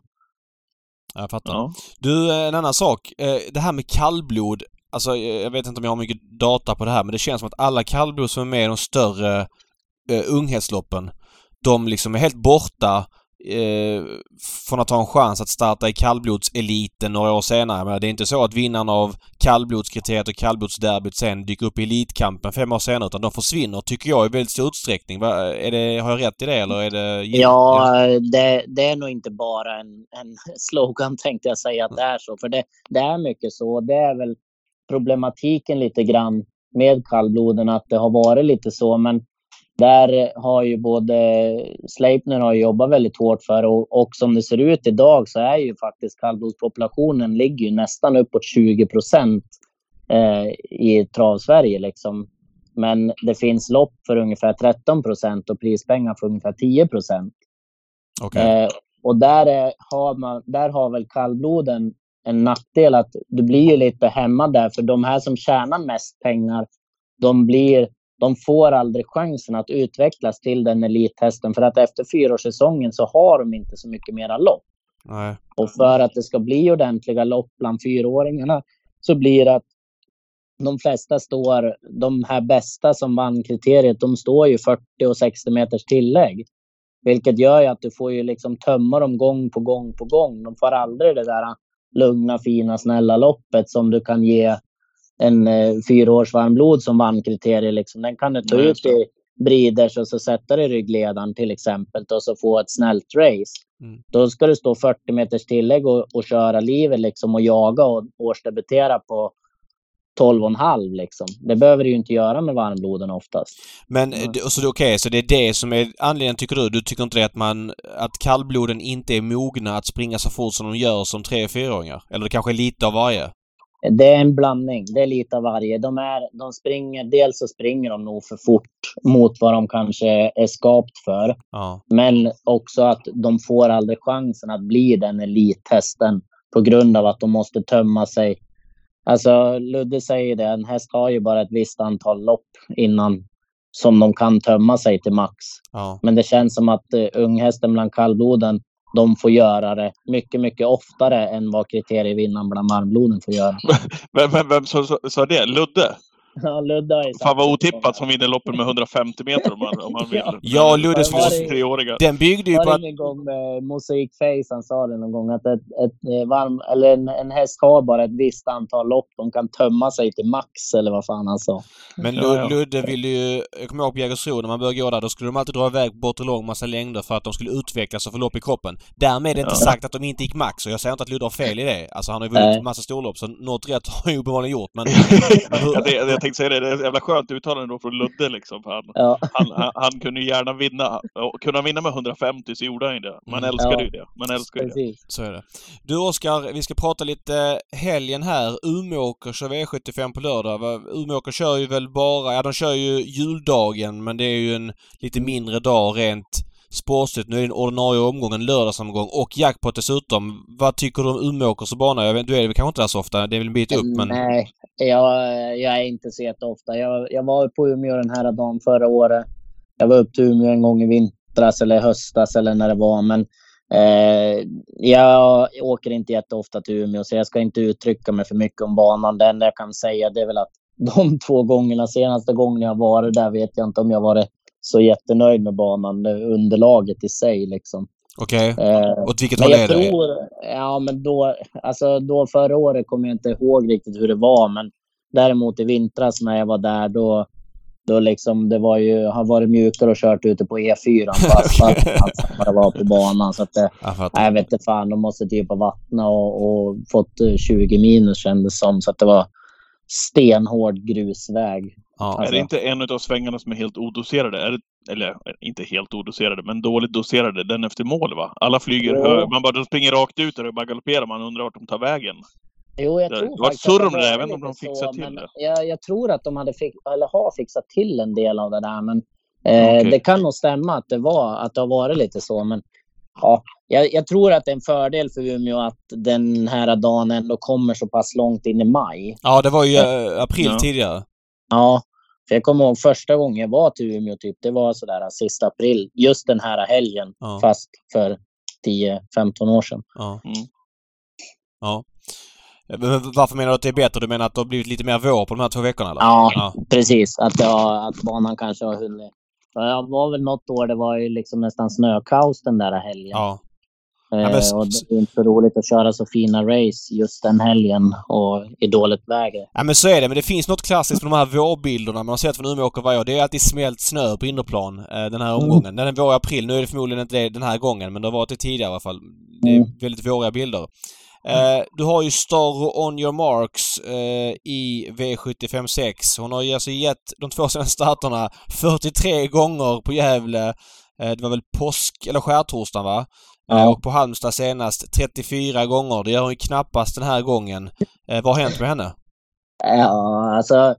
Jag vet egentligen inte vad som har hänt. Hon, hon, eh, det, jag, det var lite samma där. Alltså, jag matchade henne väldigt, väldigt tufft under fjolåret. Hon var väl med i typ försök i alla unghästlopp. Och med en tanke och det var att hon skulle duga bra i, i diamantstoeloppen i år. För jag tycker att eh, unghästloppen bland fyraåringarna är tuffare än diamantstoen ofta. För att hon skulle få den där hårdheten och bli liksom tuffare. För hon är, hon är lite speciell. Hon, hon behöver ha lite efter sina promisser för att hon ska löpa ut till 110 procent. Eh, Hanna som sköter henne har gjort ett jättebra jobb med henne under vintern. För hon är, hon är lite sur, sur ibland. Så jag kommer inte alltid överens med henne. Men när jag körde henne på Bergsåker där så tyckte jag hon kändes jätte, jättefin. Och jag sa det till Hanna att hon kändes otroligt fin då. Men då fick hon dödens hela vägen. Hon låg på lite grann och så liksom, då bara skiter hon i det till slut. Ja. Mm. Eh, inför Gävle där så var jag absolut inte förvånad att de var så bra. För att det var min känsla att ryggledaren på Karla Major B och, och som drar i hårt tempo, det är då hon trivs som bäst. När det aldrig pullas upp liksom. Det, hon gillar om det går hårt tempo eller att de ökar hela tiden. Mm. Det, de där gångerna det liksom pullas upp i sista sväng, då, då skiter hon i det. Då blir hon bara sur och så struntar hon i det. Men, men det är det som är intressant för det är ju en sak att vinna från ryggledaren. Visst det var Stordal och bra tid Mm. men att senast liksom bara springa runt dem på V7 till, till det oddset och på det sättet. Det var ändå ytterligare en nivå måste vi säga. Ja, men det, det var lite som jag sa, liksom. hon fick en bra resa. Eh, visst, jag fick gå redan 500-600 k, men hon är på en speed på 200-300 meter så är hon ju fruktansvärt snabb alltså. Hon, hon kan ju kuta neråt 04-05 liksom ett par hundra meter. Det, hon vann på Åmål i fjol när jag svepte fältet på bortre lång liksom från typ tredje, fjärde ut på Åmåls korta rake så tog jag på 100 meter så var jag förbi hela fältet. Ja, okej. Och det är just det där att hon är så snabb på en bit. Och det vart lite så nu på Halmstad. att När hon i sista sväng, när hon kände att hon fick grepp om de andra, Mm. då, då tände hon till det där lilla extra. Hade hon inte fått grepp på dem i sista sväng, då kanske inte resultatet har varit detsamma. Men när hon får det, då lägger hon i den där växeln, en till växel. Känner hon att hon inte riktigt rår på dem, då hänger hon med. Mm. Fattar. Spår 5 nu då på tillägg. Eh, Hon tjänar rätt- mycket pengar här på slutet så hon står ju tuffare till Mm. helt enkelt. Va, vad känner du för uppgiften? Eh, Jag är inte, egentligen står jag inte tuffare än sist på Halmstad. Nej det gör hon ju inte nej 20 exakt. då. Nej relativt sett nej. Eh, Så att, nej, jag, jag, jag tror att eh, hon kommer göra ett jättebra lopp igen. Jag tror absolut inte spår 5 är någon fara. Hon är, Hon var hon snabb väldigt- senast och volt. Ja. Alltså jättesnabb från spår 2 senast. ja. hon Eller ett är var det, förlåt, det bara, ett det. ja, det bara vänder runt och så bara pang säger det så sticker hon liksom i volten. Och det spelar liksom ingen roll. Hon, kan, det, hon är lite sån som kan accelerera från stillastående till full fart på ett steg nästan. Ja. Så spåren i sig spelar oftast inte så jättestor roll med henne. Det är klart att det är lättare från spår 1 eller springspår än vad det är från spår 5. Men hon brukar kunna trampa iväg bra. Och det är samma den här gången. Liksom. Alltså får hon ett fint lopp i tredje, fjärde ut och hoppas hon slipper. Ja, hon kan gå själv i tredje, men inte kanske 700-800 meter. Men är det en 500-600 meter så går det oftast bra. Och, och att hon känner att hon rår på dem liksom, och hon är på bra humör. Men som hon har varit hemma efter Halmstad så finns det inget som tyder på att hon inte ska vara lika bra på lördag. Men om du får typ tredje ut säger vi och de stöter, ja, eh, 800 kvar. Då chansar du sitter kvar med henne för att hon ska inte ska gå för så länge. Det är, för att, då vill jag lägga ja. i, i frågeställningen att hon är klar för diamantstotsfinal i Elitloppshelgen om två veckor. Ja. I, kör de 17 första varvet och, och de styr, stöter 800 kvar, ja, då kan jag nog säga att då kommer jag sitta kvar. Mm. Eh, går det 14 första varvet och det känns som att jag har mycket kräm i, i grejerna och de ser lite eh, slak ut där framme, då kanske jag väljer att, att avancera. Men jag, jag förstår din tanke liksom att det är 14 dagar till Elitloppshelgen och jag vill väl inte... Jag vill ju hellre ha en häst på topp då än att hon vinner och är helt griskall den här gången. Mm, jag fattar.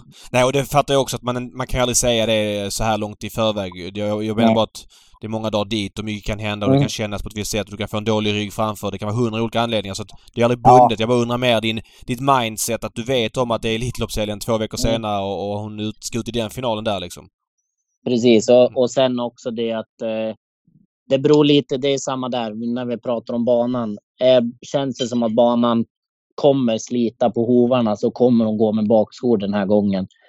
Det har inte varit någonting som har varit någon nackdel under fjolåret, men nu har hon gått barfota runt om tre gånger på rad och presterar jättebra, två av dem. Så att många kommer ju sätta det som ett frågetecken med bakskor, men under fjolåret så presterade hon nästan bättre med bakskor än utan. Fattar. Eh, Ja, men intressant. men det är för att spara fötter till Elitloppshelgen. Ja. Ja. Eh, nästa vecka är det ju Gävle kör sin största dag på året får man ändå säga att det är, även om skärtorsdagen är Mm. stor. Eh, V75 med Prins Daniels lopp, det är hemmaplan för dig. Är det någonting du kan säga nu att du kommer ut med som du kommer ladda rejält med? För hur är det där? Det meetinget, det är alltså första försöket på meetinget som har kört final Eskilstuna efter midsommar va? Ja, exakt. Det är det. Eh, men hemmaplan har du Eh. laddat för? Är det någonting vi kan få se där? Ja, men eh, det är väl dels eventuellt då Morotai beroende på hur det går för han imorgon. Ja. Kommer väl förhoppningsvis komma ut där. Eh, Kia Ora tror jag kommer vi ta ut och eh, Hon gick ju bra Ja, sist, ja. eller hur? Är du nöjd Ja. med henne här i helgen? Ja, jag var jättenöjd. Men alltså det, jag, jag var helt säker efter 1500 meter så jag kunde skicka ett sms och sagt att eh, eh, åk ut med hjullasten och lägg igen bromsspåren på bortre lång ungefär. Men, Aha, okej. nej, jag var helt... Eh, nej, jag tyckte hon var grym alltså som håller så pass bra till femteplatsen på 12 och 6. Ja, mot bra hästar också, för jag, jag, jag kanske var tuff Ja. mot henne här i, i en Twitch-sändning som vi gör 13.00 varje lördag när vi går igenom V75 och säger så här, "Nej, men jag tror att hon kan duga i den här klassen mot ston, sa jag. Jag ty- Mm. tror att det här blir alldeles för tufft när de mot hingstarna från det här läget, men jag, jag tycker att hon, ja, hon, hon överraskar mig i alla fall. Ja, jo, men det är lite så. Alltså, jag tycker det är en hård häst som jag tror att hon kommer kunna tjäna väldigt, väldigt bra pengar. Men eh, från spår 8 på Åby så kunde jag inte drömma om att vi skulle vinna naturligtvis. Men det var samma som jag sa innan. Alltså, jag kommer försöka ladda, men, men hon öppnas ojämnt. På Färjestad då öppnade hon ingenting. Då var jag sist ur. Och nu så satt jag dödens liksom efter 200 meter. Så att, eh, hon, fick, hon öppnade för bra den här gången kan man väl säga. Ja, och hon fick också en för bra placering för hon gick ur klass 1 med 500 Med spänn. 500 kronor. Nej!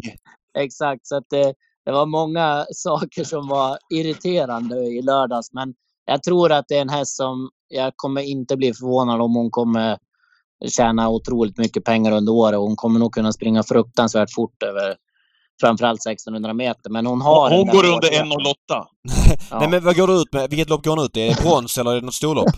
Eh, det kan nog bli det där diamantsolloppet där. Ah, okej. Det var ju för lärlingar bara. Men, men eh, det, det blir nog, hon står väldigt bra in i det. Eller det är stängt vid 600. Så att det Ja, ja, men det är perfekt Ja, men då är det skitsamma ju. Ja. Alltså det är ju inte hela världen. Och eh, sen har vi väl, eh, ja, eventuellt Capital Gain CC beroende på om han kommer med. Och Dante Stör blir jag lite sugen på. Det är väl inte någon sån där som jag är, känner att den här ska bli extra spännande. Men, men eh, vi ska väl försöka ladda iväg några i alla fall. Mm. Okej, då, då har jag en fråga på en av dina hästar. Var du Mm. med där David, här när vi körde Rom-tävlingen här för någon, för någon vecka sedan när Oskar Kjellin eh, Blom vann med Atomic Face? Ja, just det. Du, spik, du spikade den. Ja, du spikade den. Ja, och det var inte så konstigt för att Oskar, eh, visst vann du ett lopp utanför V64 först Ja, va? Ja, exakt. Ja, och så stod jag kvar och chitchattade med Oskar efter vi hade gjort segerintervjun. Jag frågade även om eh, vad han trodde om At- Atomic Face där. Och sen när vi stängt av micken så sa jag, du var positiv du lät på den där. Ja, jag tror han vinner. Det är inte så ofta man får den och så var det 12 procent. Springer upp i hytten, kollar. Alltså det, här är en timme säger vi kvar till V64-spelet. Ja. Eh, jag tror han var spelad till 12, 11 Ja, eller 12 procent 11, just då. ja. 11. Ja. Alltså när, när, när det har gått en timme, då har han glidit upp. Alltså det, var det, det är det sjukaste jag sett. typ till favorit på 24 Men det var ju någon tjänst som måste ha gått Ja. på dem då ju också. Ja, men plus också att det var ju rapporter i liven. Du sa ju någonting där Mm. Oskar om Atomic Ja. Face där som var... Jag har ju aldrig hört ett sånt klartecken tror jag. Nej, det var ju samma. Fernlund liksom frågade mig också. Så han tyckte, men fan det här borde vara en jättebra chans eftersom han vet att jag tycker om han. Mm. Ja. Alltså jag tror att han är, jag tror att han kommer ha bra chans. Och sen så då bara köttar han ut det liksom att eh, men det var, det var rätt så sjukt alltså från, från 11 procent till att han var nästan favorit innan det var klart. Så att det, eh, det var ju, det var skönt att han vann men, men Ja. det var lite synd för, för er som skulle spela att det var sånt Ja, jävla det bra. sånt som Jag, jag, tänkte mer, jag tänkte mer på ägarna ja. De Mm, ja. skulle gå in på liret och tänkte att nu, nu ska vi göra kassan ikväll på Romme. Ja. Precis. Nej, så att, Eh, eh, Ja, men, men, det är en häst som jag tror, ja, precis. alltså jag tycker om han väldigt mycket. Och jag tror, jag, han laddar ju liksom för att vi ska satsa allt mot, mot derbyt. Och sen om Precis. han räcker där, det vet jag inte. Men jag, jag ska i alla fall göra ett försök. Och, eh, jag tror inte han kommer... Jag, jag såg att det fanns någon fyraåringslopp, typ stängt med 400 000 på, om det var på fredagen eller lördagen på Elitloppshelgen som jag tänkte försöka ta med han i. Om han kommer med. vad kul. Eh, är det någon du kan börja lätta i balansen också?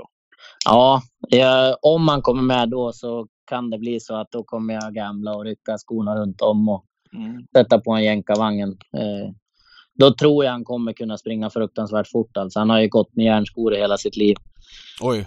07, 07. Ja, exakt. För varje häst vi snackar om så sänker vi en sekund. Ja. Ja men Nej, det är otroligt svinbra. häst. Ja, ja men jättespännande Oskar. Kul att, att höra lite om din verksamhet och sådär. Eh, det är ju som vi brukar säga att våra gäster, vi hade kunnat sitta en bra stund till men eh, ja. Vi, Ja. vi vill hålla oss inom en tidsram. Men lycka till på lördag framförallt då och lycka till på Gävle efter det och så drar jag iväg ett Mm. tre lycka till under Elitloppshelgen dit du verkar ha laddat rejält ändå får man säga. Det tackar vi för. Ja. Det ska bli ja. roligt. Ja. ja. superkul att prata med dig Oskar. Toppen Oskar. Ja. Tack Bra. för att du gästade. Simma lugnt då. Tack, tack. Hej, hej, hej, hej. Ja, där hade vi han för första gången i Travpodden. Ogge Kjellin Mm. Eh, ja, men det är ju återigen vad jag inte ska säga när vi kommenterar eh, våra gäster men det är intressant och han står för lite andra saker. Jag har inte hört många travtränare i den här podden som säger att eh, hästarna eh, måste lära sig bli trötta. Det är ju... Nej. Förstår hästarna att de måste det? Alltså, är du med mig? Jag säger inte... Ja, jag, jag tycker det är bara intressant att höra det liksom. Så att... Eh, ja, han har ju onekligen bra siffror, Oskar Kjellin Blom. Och... Han tillhör ju den här generationen som verkligen är på väg att ta för sig. Vad hade han? Sa vi? Över 70 hästar på listan. Ja, 75. Eh, precis. På väg att ta för sig ordentligt och blomma ut och bli ja, men en av de bättre som kommer i den där generationen, tycker jag. Mm. Nej, grymt spännande geografiskt läge på hans verksamhet också med, vad var jag sa, sju banor inom 20 mil. Det är ju ja. rätt fast. V75 avgörs på Umåker nu till helgen. Eh, det är jackpot som du var inne på. Vi ska eh, syna V75 eh, i den första avdelningen. Favorit i talande stund, fyra Castor The Star, Jörgen Westholm som vann senast på V75. Här är bra rapporter på nummer tre, Twigs Got You, som är i ordning. Är verkligen på väg att hitta formen igen och har ju spår innanför Castor The Star. Mm. Vad tror du? Ska säga det att vi dyker upp på Twitch 13.00 på lördag med det senaste. Det här är den rappa genomgången tre, fyra dagar innan. Eh, jag säger att jag kommer gilla sex Fabulous Pellini. Hon var ju sjukligt bra när hon vann på Bergsåker. Det var i februari månad. Nu möter hon hingstar. Ja, men eh, hon är tillräckligt bra för att slå hingstarna. Eh, och det är autostart framförallt. Hon bökar lite i volten och hamnade efter Quarcia trots att hon 20 meter före och vann ändå. Jag tror att det är loppets bästa häst. Ja, jag gillar också Sandra Erikssons Devil's Tongue. Det har ju framgått tidigare utav den här podden också. Mm, du har en vinnare i V72 sa du? Ja, jag sa det till dig. Mm. Eh, jag tror att eh, 8 Firefoot vinner V75s andra avdelning. Eh, ska vara hopplöst osäker i voltstart. Det låter ju som en klockren vinnare. Eh, mm. Men därför så var väl också spår 8 eh, förmodligen det bästa tänkbara. Här gäller bara att det, det klaffar, då är han hästen i loppet. Han var ute i ett billigt lopp, var inne och kollade på det eh, en lördagkväll eller något liknande tror jag sist på Gävle. Och han såg väldigt fin ut. Han såg så där bra ut som han har gjort i starterna innan. Kanske ännu bättre, även om det var i enklare sällskap. Jag vet att det är vanlig vagn, det har varit bike på slutet. Men eh, ligger runt de här procenten så har han ju definitivt kunnande att bara vinna ett sånt här lopp. Ganska så komfortabelt dessutom. Så att klaffar det så tror jag att Firefoot vinner. Mm, jag drar till med 12 Ferox Brick. Eh, det är en mm, häst, häst, som det har varit eh, mycket snack om länge. Han har ju faktiskt bara tjänat 300, 238 lax trots att han är fem år. Men det har varit strul med honom. Det finns ju väldigt mycket inombords här och eh, ja, eh, körs, blir det offensivt här så tror jag att han bara vinner.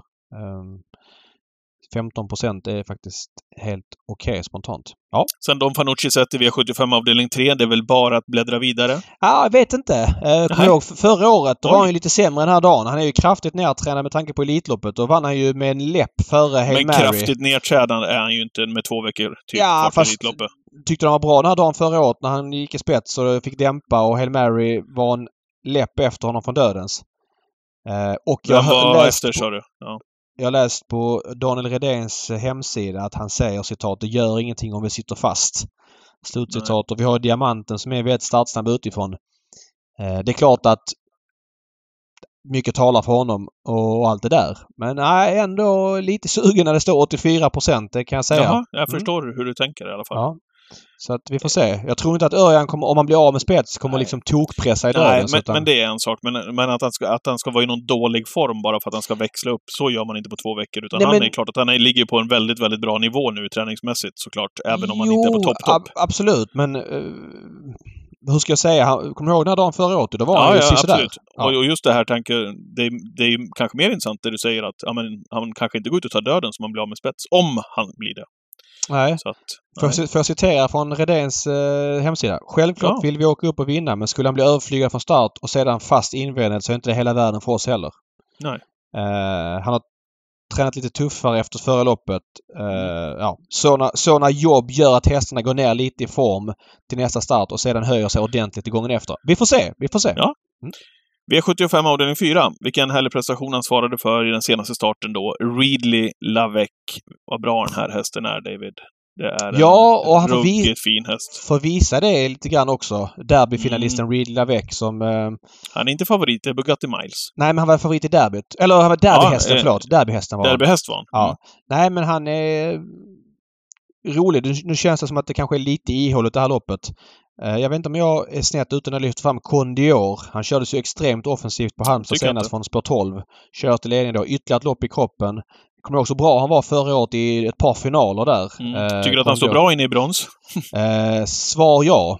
Eh, Och han, har- han fick ju läget också. ja. Nej men Condior eh, till, till låg procent. Jag tror inte han är mycket sämre än 2-3. Nej, bra tanke. V75s femte avdelning. Eh, legenden Bert Johansson. Memorial där, femåringsloppet. Eh, klar favorit 10 Mr Hercules. Ja, det är väl rätt också. Redén är inne på att han har hittat nya växlar på den här hästen och han har varit eh, väldigt bra senast på Mantorp. Eh, från ledningen. Ja, jag tycker inte att Rom Pace Off har fått ut Nej, någonting det har han i, inte. hos Wäjerstenen. Nej, alltså Wäjersten har ju lyckats med allt men eh, här tror Nu gissar jag vill jag också säga. Jag tror inte att han är helt nöjd med, med vad han har levererat hittills med, med Rooms på. Nej, sprang han inte lite... Vad, jag säger det, det var, min, det var min take. Sprang han inte lite på töm sist också? Jag tycker att han är... Ja, Ja, nej, ingen avslutningen bet inte supermycket heller. Vi får se Nej. här nu om han har lyckats eh, få honom lite bättre. Han, eh, det är ju inte givet att man ska förbättra hästar från Robert Berg som är en väldigt vass travtränare. Och den här hästen har ju, Ja. ganska tufft matchad som yngre också. Så att, När det gäller Mr Hercules då? Har det inte varit till och med ytterligare en nivåhöjning där? Jo, jo. eh, Minst en nivåhöjning. Ja, men eh, det är verkligen en, en häst för de stora loppen. Daniel sa ju där i, i, travrondens Elitloppsprogram att det är medeldistanslopp som, som gäller här under sommaren. Jag kan tänka mig att det blir antingen Boden eller Jämtland. Och Mm. lite annat smött och gött. Kurriere Boko var ju extremt bra på Värmo senast. Offensiv styrning fick inte vinna då. Jag vet inte. Det kanske luktar Mr Hercules ändå men um, lite kittlande till den procenten. I nästkommande lopp, vet du vad jag tycker att det luktar där då? Skräll. Lite Annette faktiskt. Eh, Conrad Anette som är en syster till, helsyster till en häst som jag är delägare i. Eh, Conrad Anette eh, Mm. har ju lyft sig, jag har bra koll på henne just därför, lyft sig väldigt mycket här under året. Hon har alltid varit, hon är en väldigt liten häst. Men avslutat bra i flera lopp. Men nu Toppläge nu. ver- verkar hon kunna ta för sig och satt väl lite havs, halvfast senast. Jag tror att Jörgen S kör i ledningen och, och hoppas att du har rätt. Kort och gott. Ja. ja det mm, tycker jag. Till de procenten ifrån det läget så är hon ju jättespännande. V75-avslutningen då, vad, vad hittar vi på här med Amalensius BB eh, som favorit ifrån innern? Ja, det där är intressant. Nurmos hästar, jag vet inte riktigt. Eh, Han har ju en bra segerprocent på de som startar men det är ju väldigt få hästar som han har haft ut hittills. Det är ju mitten på maj snart och det är ju liksom varit väldigt tunt överlag. Nu var ju Seismic Wave eh, bra mot Hail Mary och sådär men känslan är att det, han ligger lite lågt. Jag vet inte varför. Jag har inte hört någonting. Jag har Nej. frågat många men det är ingen som verkar riktigt veta. Det finns ju säkert något rimligt skäl. Mm. Amalensius- Gå in och kolla. Ja, Ja. förlåt. Nej, men Amalensius från spår 1 känns ju iskallt. Eh, Han tar ju inte någon ledning därifrån. Och Nej, gå in och kolla på Gardner Shaw. Gå in och kolla på Gardner Shaw, hur han såg ut i den senaste starten på Romme. Tillfixad. Han har inte startat då sedan i december. När Mm. han är fräsch, det är ju det som är grejen tycker jag med honom. Alltså han måste vara... Han måste se bra ut, tycker jag, för att han ska Mm. leverera. Det finns ju många som levererar även om de inte kanske ser bra ut. Men eh, det här är en sån där som jag tycker i alla fall är från sidan, att när han, när han glänser innan, då glänser han i loppen. Jag tror att han är i bra ordning med det där loppet i kroppen. Nej, men han är... Det är klart att Amalensius eh, är kall från spår 1. Han har hoppat mycket bakom bilen och, och sådär. Eh, spelet här för dig. Du kommer spika 7 Wine Kind of Art. Det vet jag om. Jag kommer gå på 10 Digital Dominance som körde snyggt av Örjan senast i Orebro International. Var bra som trea då. Jänkarvagn nu, lång distans ett plus. Han är mitt streck. Kommer du betala för One Kind of Art? Det vet jag inte. Det beror på om du kan övertyga mig. Ja, det kommer jag hinna göra innan Ja, lördagen. ja. Eh, ja, då var V75, Twitchen som du var inne på, 13.00. Precis som vanligt, häng med oss där. Eh, det är kul när vi bygger det där systemet tillsammans. Eh, Vi lyckades kliva av i sista förra veckan på tre hästar på Who's Who. Det var lite sämre men vi Ja, tog vad tur att jag och- lyckades betala några till för, på mitt unika Ja, där du faktiskt. satte Det var, men- det var men- skönt. Men eh, vi ville gå kort. Vi spelade för mindre poäng för att omgången så Mm. kall ut i lördags. Men nu med Jacke ser det lite roligare ut igen. Ja, då laddar vi på igen. Ja, så är det.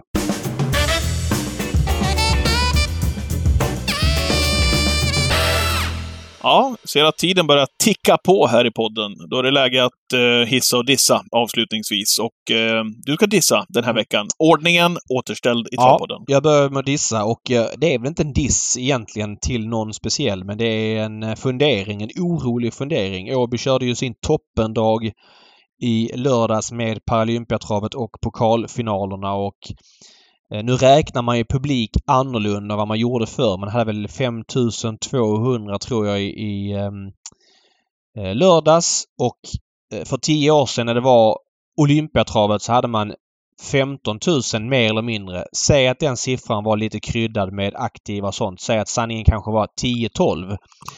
Men i andra vågskålen är att nu har man komprimerat de här två dagarna med Olympiatravet som det var tidigare och pokalfinalerna och gjort det till en vilket då borde centrera den här tävlingsdagen ännu mer och få ännu mer folk.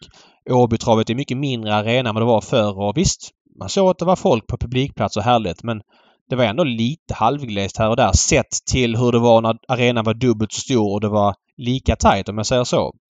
Jag är orolig för publiksiffran den här tävlingsdagen. Eh, att den har tappat så pass mycket. Eh, det finns många små faktorer. Ska jag rabbla upp vilka jag tror det kan vara? Eh, ja. Den här dagen har tappat successivt sen det blev 16.20 på V75 publikt. Jag tror att eh, det passar den gemene travbesökaren som inte är så travintresserad ganska dåligt att gå på trav när det är så pass sent spelstopp. Jag tror att tutoluckorna gör sitt. Folk tycker att det är en sämre upplevelse på plats utan tutoluckor. Jag tror att dagen ligger fel. Det ligger för nära Elitloppet och de andra storhelgerna vilket gör att ska du dra iväg på en sån här helg när det ligger så pass nära Elitloppet då är det inte samma sug. Bättre när den låg i april månad. Och eh, ja, det blev en annan grej liksom att, att åka iväg eh, då med en månad kvar till Elitloppet. Eh, det är tre faktorer. Jag tror att man måste tänka om här. Det här är mm. alarmerande med det här publiktappet.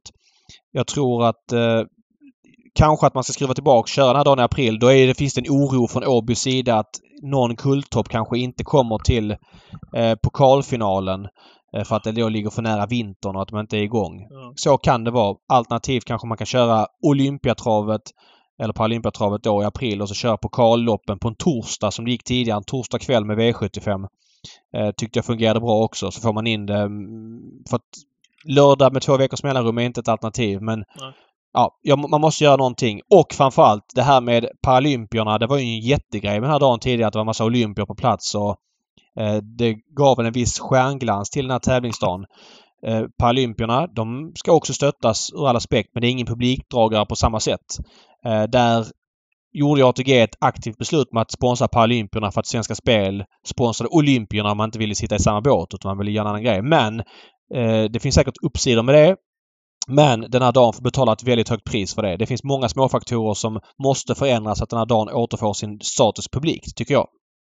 Okej, bra spaning ifrån från din sida eh, vad gäller den biten. Då, då ska jag hissa. Eh, jag måste hissa en älskvärd person. Nu ska inte jag säga att det är så här, men mm. eh, jag, jag, tror i alla fall att jag är lite rätt på det. Jag stod i Vinnarkyrkan här på Romme när vi körde V64 häromdagen och eh Eh, Jorma Kontio vann då med eh, Euskara åt Fredrik Wallin som vi pratade här nyss om. Och eh, ja, han skickade ju Euskara rätt tidigt i loppet och hon var bara bäst och gick undan till eh, seger. Hon fick liksom ånga på där ute, din fransyska Euskara, så hon fick ju hon fick jobba för havret och eh, var jättebra.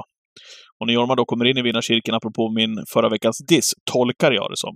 Eller diss, när jag sa att varför körde aldrig Jorma? Jag stod upp framför tv-soffan och undrade varför han aldrig fred på med Brother Bill. Eh, så kommer Jorma upp i cirkeln och så säger han nu och köra och, i tid. Och jag kan inte tolka det på något annat sätt. Nu tyckte jag kanske att han lyssnar på podden, men han, han har väl kanske fått det till sig i alla fall under förra veckan. Älskvärd person, Jorma Kontio. Så jävla duktig att köra också, men eh, ja, med glimten i ögat. Och det finns ju sällan något ont ord man kan säga om Jorma Kontio, så som man har upplevt honom när man har varit i branschen under en tid och man ska surra med honom och man ska göra intervjuer och ja, ställer alltid upp och ja, gör det på sitt härliga sätt. Ja, men var... grym distans till själva grejen också. Att Verkligen. säga det på det sättet. Om det var det han menade. Ja, det är jag, inte jag, säkert. nej. Men... men och återigen, när man kritiserar saker, man gör det ur ett perspektiv som be besökare. Det innebär inte att man tycker att någon eh, är dålig eller någon illa om någon utan det är ett resonemang man för. Man måste kunna prata. Det är ungefär som en, du kommenterar SHL eller en fotbollsallsvenska så pratar om spelarna också som du tycker är bättre och samma saker. Man är i underhållningsbranschen och du är en del av det, det. Och kan man då ta det på det sättet Jorman tar det på så är det bara älskvärt. Mm. Ja, verkligen. Eh, härlig person, Jorma Kontio. Eh, ja, ska vi, vi nöja oss där? Vi får nu göra det. Vi blir väldigt vi, långa vi idag. Vi sopade men... på i podden här idag, ja, kände jag. Ja, ja, så är det. Och eh, vi hoppas att ni hänger med oss på Twitchen 13.00. Vi ska prata jackpot nu på lördag. Eh, då ska vi sätta sjuan och så är vi tillbaka igen med podden nästa vecka igen. Ja, vi säger så. Vi ses. hej! hej! hej. hej.